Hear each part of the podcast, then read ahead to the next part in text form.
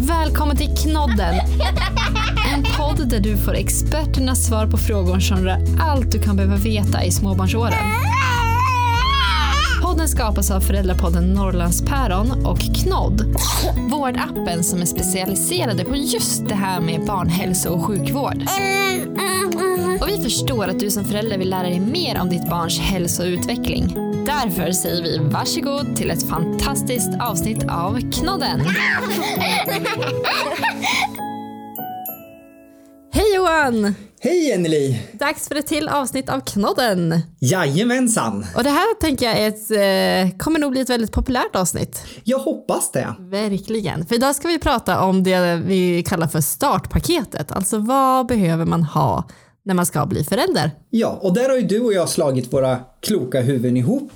Jag har tittat på det medicinska och omvårdnadsmässiga och du kommer med din fina input som flerbarnsmamma. Exakt. Så förhoppningsvis när du som lyssnar på det här har lyssnat klart så har ni en bra lista framför er vad det faktiskt är som behövs. Och vad som inte behövs kanske. Ja, kanske mest det ibland känner jag. Det finns ju en liten eh, tendens till och jag förstår att det, det är svårt att veta vad är det man faktiskt behöver som, eh, som eh, havande och vad, vad är det faktiskt barnet behöver i starten när den väl har kommit ur efter förlossningen. För att man överöses ju med liksom reklam om allt möjligt vad man kan tänkas behövas. Och eh, det är från kompisar, det är från sociala medier, det är från föräldrar och det är från eh, mödravårdscentraler och allt möjligt. Men jag brukar tänka så här att vad behövde man förr för att liksom uppfostra tänkte jag säga, men för att föda upp ett barn liksom och bli vuxen. Ibland kan vi behöva gå tillbaka till det basic liksom. Man hade inte gungstolar och nappflaskor och tio olika napptyper och det var det ena och det tredje och det femte liksom, utan vi hade väldigt sparsamt med material men ändå så blev vi ju vuxna och välmående för det. Verkligen. Så att eh, nu, nu blir det en basic-lista. Det här är det du verkligen behöver. Ja, det låter spännande.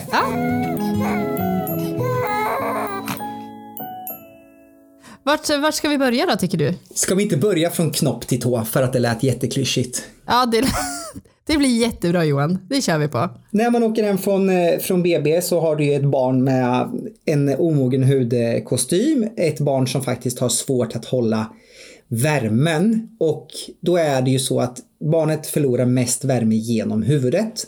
Så vad kan barnet tänkas behövas på huvudet då, Jenny En mössa. Exakt. Ja. Man behöver en mössa.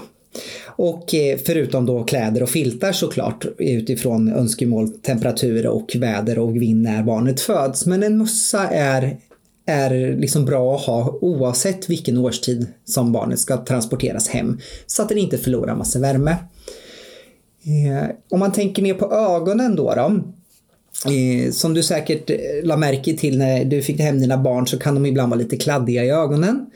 Och då vill man gärna kunna tvätta rent ögonen. Så då kan man behöva lite mjuka kompresser. Det går bra med handduk eller med med lite toapapper och sådär också. Men, men barnen har ju en omogen hud som lätt liksom skadas så att eh, en mjuk kompress kan vara bra till både naveltvätt och det är bra för ögonen och lite andra saker. Så, så lite mjuka kompresser finns på apoteket att köpa. Kan vara, vara smidigt att tvätta ögonen med och då räcker det med kranvatten Antingen, eller vanlig kranvatten, man kan ha natriumklorid som finns att köpa på små behållare på apoteket. Eller så funkar faktiskt bröstmjölk väldigt bra att tvätta ögonen med också. Ja just det, precis. Det tipset kommer jag ihåg att jag fick och testade och det var ju faktiskt jättebra. Bröstmjölk är bra till väldigt mycket om man har det att tillgå. Mm, verkligen. Och de där kompresserna kommer jag också ihåg att jag använde ibland när de varit lite röda i rumpan. När man inte riktigt ville ta liksom en våtservett eller ett hårt toapapper så var de kompresserna bra till det också. Exakt, det finns väldigt många bra delar att ha de där kompresserna till. Så en, en låda med kompresser, det, det kommer användas. Det är ingenting man kommer kasta. Exakt. Och sen kommer man till den där lilla näsan om vi går neråt då. Ehm, Uppmärksammade du några problem med näsan hos, hos dina småbarn? Ja men det gjorde jag. De var ju ofta lite snoriga eller i alla fall så här lite täppt i näsan. Mm.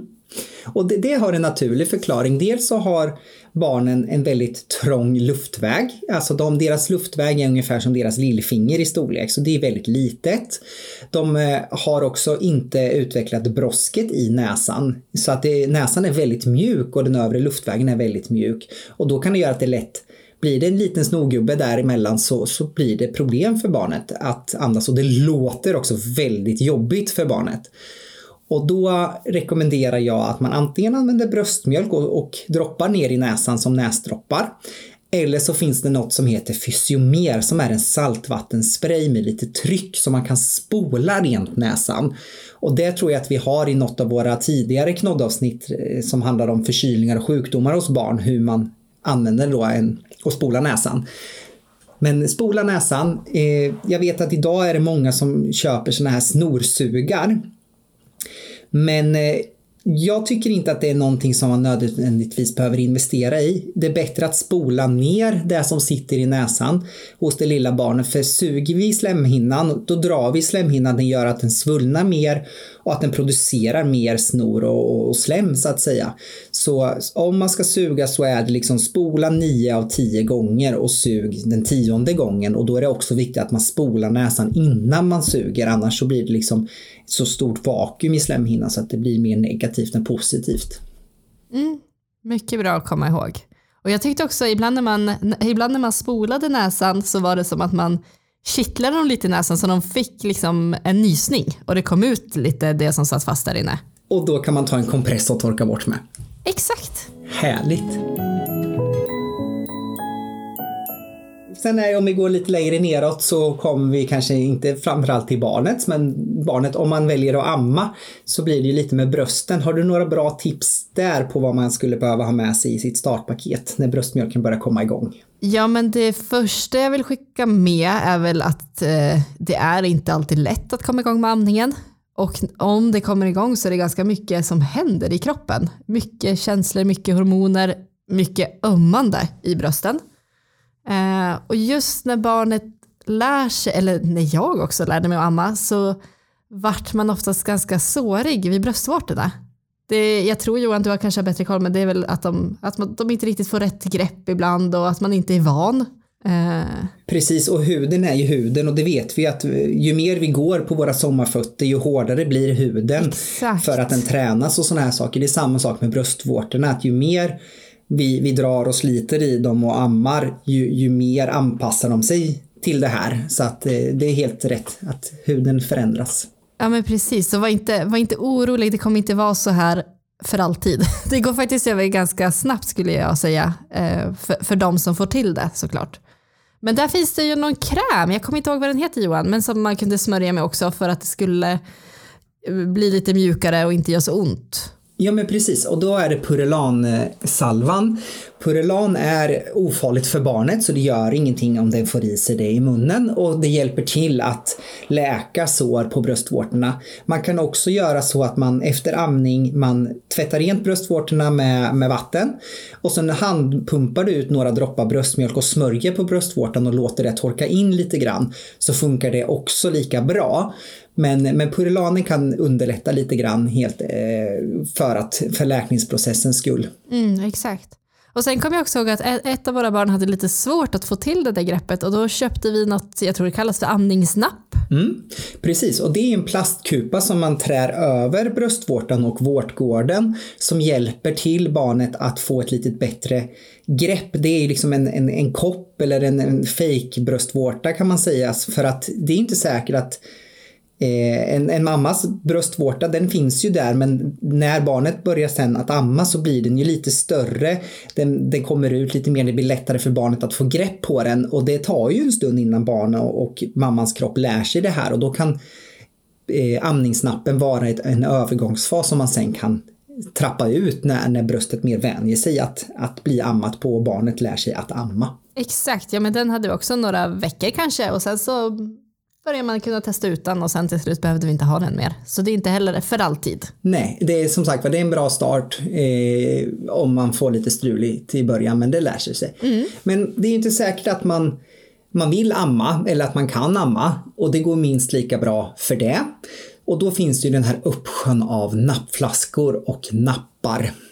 Ja, Oj, oj, oj. Det är inte lätt. nej, den är svår och eh, ja, det är, det är mycket att tänka på tycker jag kring det där. Och man får råd från höger och vänster och hur, vad som är bäst för barnet och hur de får i sig minst luft är ju en eh, stor, ett stort ämne för att Ja. inte få ont i magen. Precis. Och, och det kan man med naturliga skäl och det har vi ett avsnitt man pratar om, om eh, buksmärta hos barn. Eh, vikten av att rapa barnet och hålla dem upprätta efter, efter att de har ätit och sådär. Men med flaskorna, ja, det finns en drös olika flaskor som säger sig ha olika fördelar. Jag tänker så här att introducera en flaska, funkar det, håll kvar i den flaskan. För att barnet blir, det blir en vanesak för barnet. Så håll inte på att testa fyra, fem olika nappar och flaskor för att den ena funkar en gång, den andra funkar nästa gång. Utan det här är ju som att lära sig att amma. Precis samma sätt att lära sig att äta på flaskan. Så välj ut en, en napp och en flaska som, som ni vårdnadshavare verkar tro på och håll kvar i den ett tag och se, utvärdera innan man väljer att byta. Precis, väldigt bra. Hur är det med vanlig napp? Vanlig napp, för det första måste man ju diskutera vårdnadshavarna emellan att vill vi att barnet ska använda tröstnapp eller inte? Och säger man då ja på det, vilket är helt okej, det finns fördelar och nappdelar med tröstnapp. Det kan man kan vi gå in på i något annat avsnitt här framöver, men det finns fördelar och nackdelar. Och eh, väljer man då ja så finns det en uppsjö av olika fabrikatörer av tröstnappar som har olika utformningar. Men jag hade sett, välj en, en form av napp, introducera den och se om barnet tar det och håll kvar. Och är samma sak där, ändra inte massor olika eh, napputformningar utan håller till en och samma. Och ju äldre barnet blir så kan man behöva byta för att sugmönstret ser ut på ett annat sätt och sådana här saker. Men, eh, men håll, håll er till en och samma i, i starten så att det inte blir så förvirrat för barnet. Och sen kommer vi ner mot eh, rumpan, eller hur? Ja, den berömda bebisrumpan. Där finns det ju mycket att tänka på. Det finns mycket att tänka på. Jag brukar tänka lufta mycket. Eh, Det blir instängt i en, en blöja. Välj en blöjfabrikatör som du ändå tycker verkar funka för dig och som ligger i en bra prisklapp. Det var det man vill betala för det är olika priser på det här. Vill man köra flergångsblöjor så kör man det. Vill man köra engångsblöjor så kör man det. Men eh, generellt sett så behöver bebisrumpan luftas för att undvika att den blir röd och sårig. Det kan bli så i alla fall och då kan man behandla det med olika krämer. Min favorit är Inotiol för att den är tjock, den lägger sig som ett plåster på slemhinnan Eh, eller på, på huden i rumpan och då behöver man inte tvätta bort Inotiolen varje gång utan den ligger som ett plåster så att kanske någon gång per dag eller ett par gånger per dag så tar man lite babyolja på sin kompress och tvättar bort Inotiolen helt. Men däremellan så rensar man liksom bort det översta skiktet på salvan och bara förbättrar för då brukar huden underifrån få läka på ett snabbt sätt. Ja men den är våran favoritsalva också. Eh, samma sak som att man behöver ju också någon, någonting att ta tempen med för barnet har ett omoget temperaturcentrum och vi vill inte att de nyfödda ska få feber och för att föra in då stjärttermometern vilket jag rekommenderar till de yngsta barnen så behöver man lite glidslem eller vaselin för att det lätt ska glida in i ändtarmsöppningen och det, det är bra att ha eh, för det kommer man använda för lång tid framöver. Verkligen. Och det här med termometer, det kommer vi ju göra ett avsnitt helt om hur, eh, hur man tar tempen och vad som är en bra temp på barn. Mm, det kommer här framöver så äh, häng i och håll ut så kommer det berätta allt om temptagning och eh, så vidare. Ja men exakt. Hur är det med babyoljor och sånt? Eh, är det någonting som behövs och vad har man det till? Ja, barnets hud är ju omogen så att den kan lätt bli, de har inte så mycket fett, underhudsfett i, i sin hud så den blir lätt lite torr även hos spädbarnen. Så babyolja är bra att ha i vattnet innan man tar upp barnet efter de har badat. Man kan också smörja in dem med babyolja eh, om de är torra. Och att man använder en duschkräm som är oparfumerad och anpassad för spädbarnens hud. Det står väldigt tydligt på, på förpackningen och man kan också fråga på sitt apotek. Um, och det är också så här, vi pratade lite om tvättlappar, att kompresser använder du ibland när man torkar rumpan. Det finns en mängd uppsjö med våta färdigpreparerade tvättlappar. Eh, det funkar bra med tvättlappar i omt och mycket. Helst ska de bara vara vattenbaserade utan några tillsatser eh, för att barnets hud är omogen och känslig. Men det går också lika bra att göra tvättlappar själva eh, och att man kan också använda vanligt liksom vanligt papper som vi själva torkar oss i. Blöt pappret lite grann så funkar det minst lika bra. Verkligen, och det gjorde vi, det gjorde vi länge. Hade vanligt torra tvättlappar bredvid eh, skötbordet och så ett handfat bredvid och så lite vatten. Det gick ju superbra. Det går superbra. Mm. Jag tänker eh, naglarna på spädbarn är ju speciellt. De växer ju också och de är, de är ganska mjuka i starten men de blir vassa på kanterna. Och där rekommenderar vi att man inte ska klippa så mycket för risken är ju att du råkar klippa av hud eh, också för att det är så litet. Så nagelfil är en sån där grej som är väldigt bra att köpa från starten. För ganska snart kommer man märka att man vill fila lite på de där små naglarna så att de inte river, river sig själva eller eh, sina föräldrar mm. när man gosar med mm, dem. Exakt. Och sen så tänker jag att det finns ju en punkt kvar som vi föräldrar kanske gillar mest skulle jag tro. Och det är ju det här med kläder. Vad ska jag ha för kläder till mitt barn? Ja, och jag förstår ju att man drivs av det här att det är så gulligt allting, det är smått och man vill eh, komma hem och det ska se fint ut och sådär. Ni får köpa hur mycket kläder ni vill, men köp dem i olika storlekar för att barn växer otroligt snabbt i starten. Och det är så tråkigt om de hinner använda sina nya kläder en gång och sen så har de växt ur det. Så köp uppsättningar kläder i olika storlekar för snabbare än vad man hinner blinka så har barnet eh, både en, två, tre storlekar större än när de föds.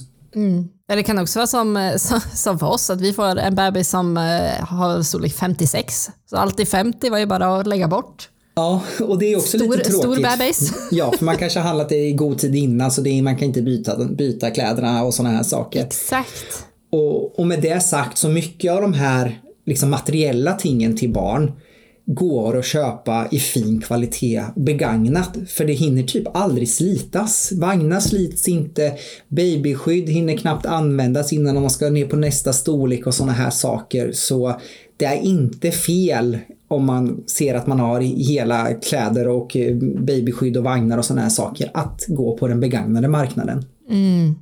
Ja men verkligen, och kläder, de, de sliter ju ingenting på kläder när de är sådär små. De sover ju eller åker i en bärsjal eller sele. Det är, det är inga hål. Man kan ju ha dem hur länge som helst. Det är inga hål, precis. Nej, så att det går definitivt att använda ja. begagnade saker. Spar vi både på miljön och eh, pengarna. Ja.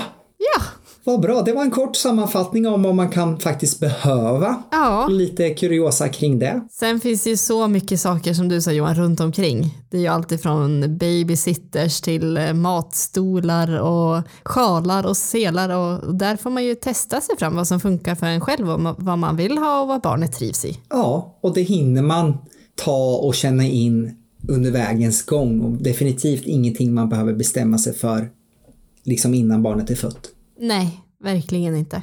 Vad bra Johan, då har vi ett bra startpaket här som man ska se till att vara förberedd med. Det tycker jag låter jättebra. Så får jag önska dig fortsatt eh, fin dag Jenny Tack detsamma Johan, vi hörs snart igen. Det gör vi. Ha det gott! Hej då!